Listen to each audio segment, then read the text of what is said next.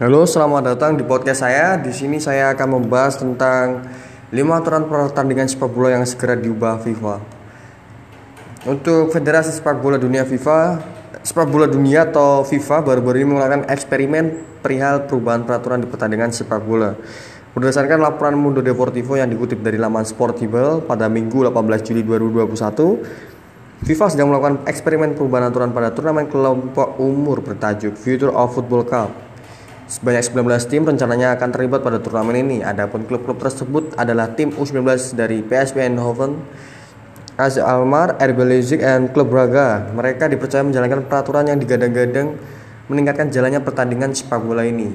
Bahkan beberapa aturan baru mirip seperti futsal seperti tendangan ke dalam waktu dihentikan saat bola keluar lapangan dan pergantian pemain tak terbatas. Dan pertandingan 2 kali 30 menit serta waktu dihentikan saat bola keluar lapangan dan di mana ada juga pemain pergantian yang tak terbatas.